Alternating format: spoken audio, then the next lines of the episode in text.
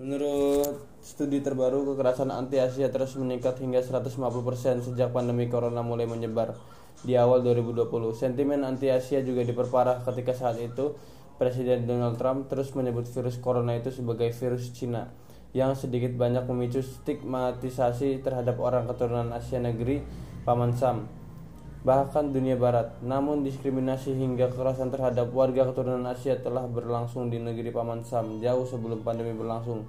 Dikutip The Washington Post, warga keturunan Asia telah tinggal 160 tahun lalu sejak itu pula.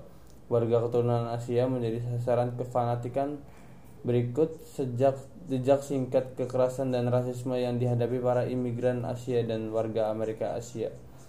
Masa Civil War imigran keturunan Tiongkok mulai berdatangan dan menetapkan di diri di Amerika Serikat dalam jumlah signifikan sekitar 1850-an.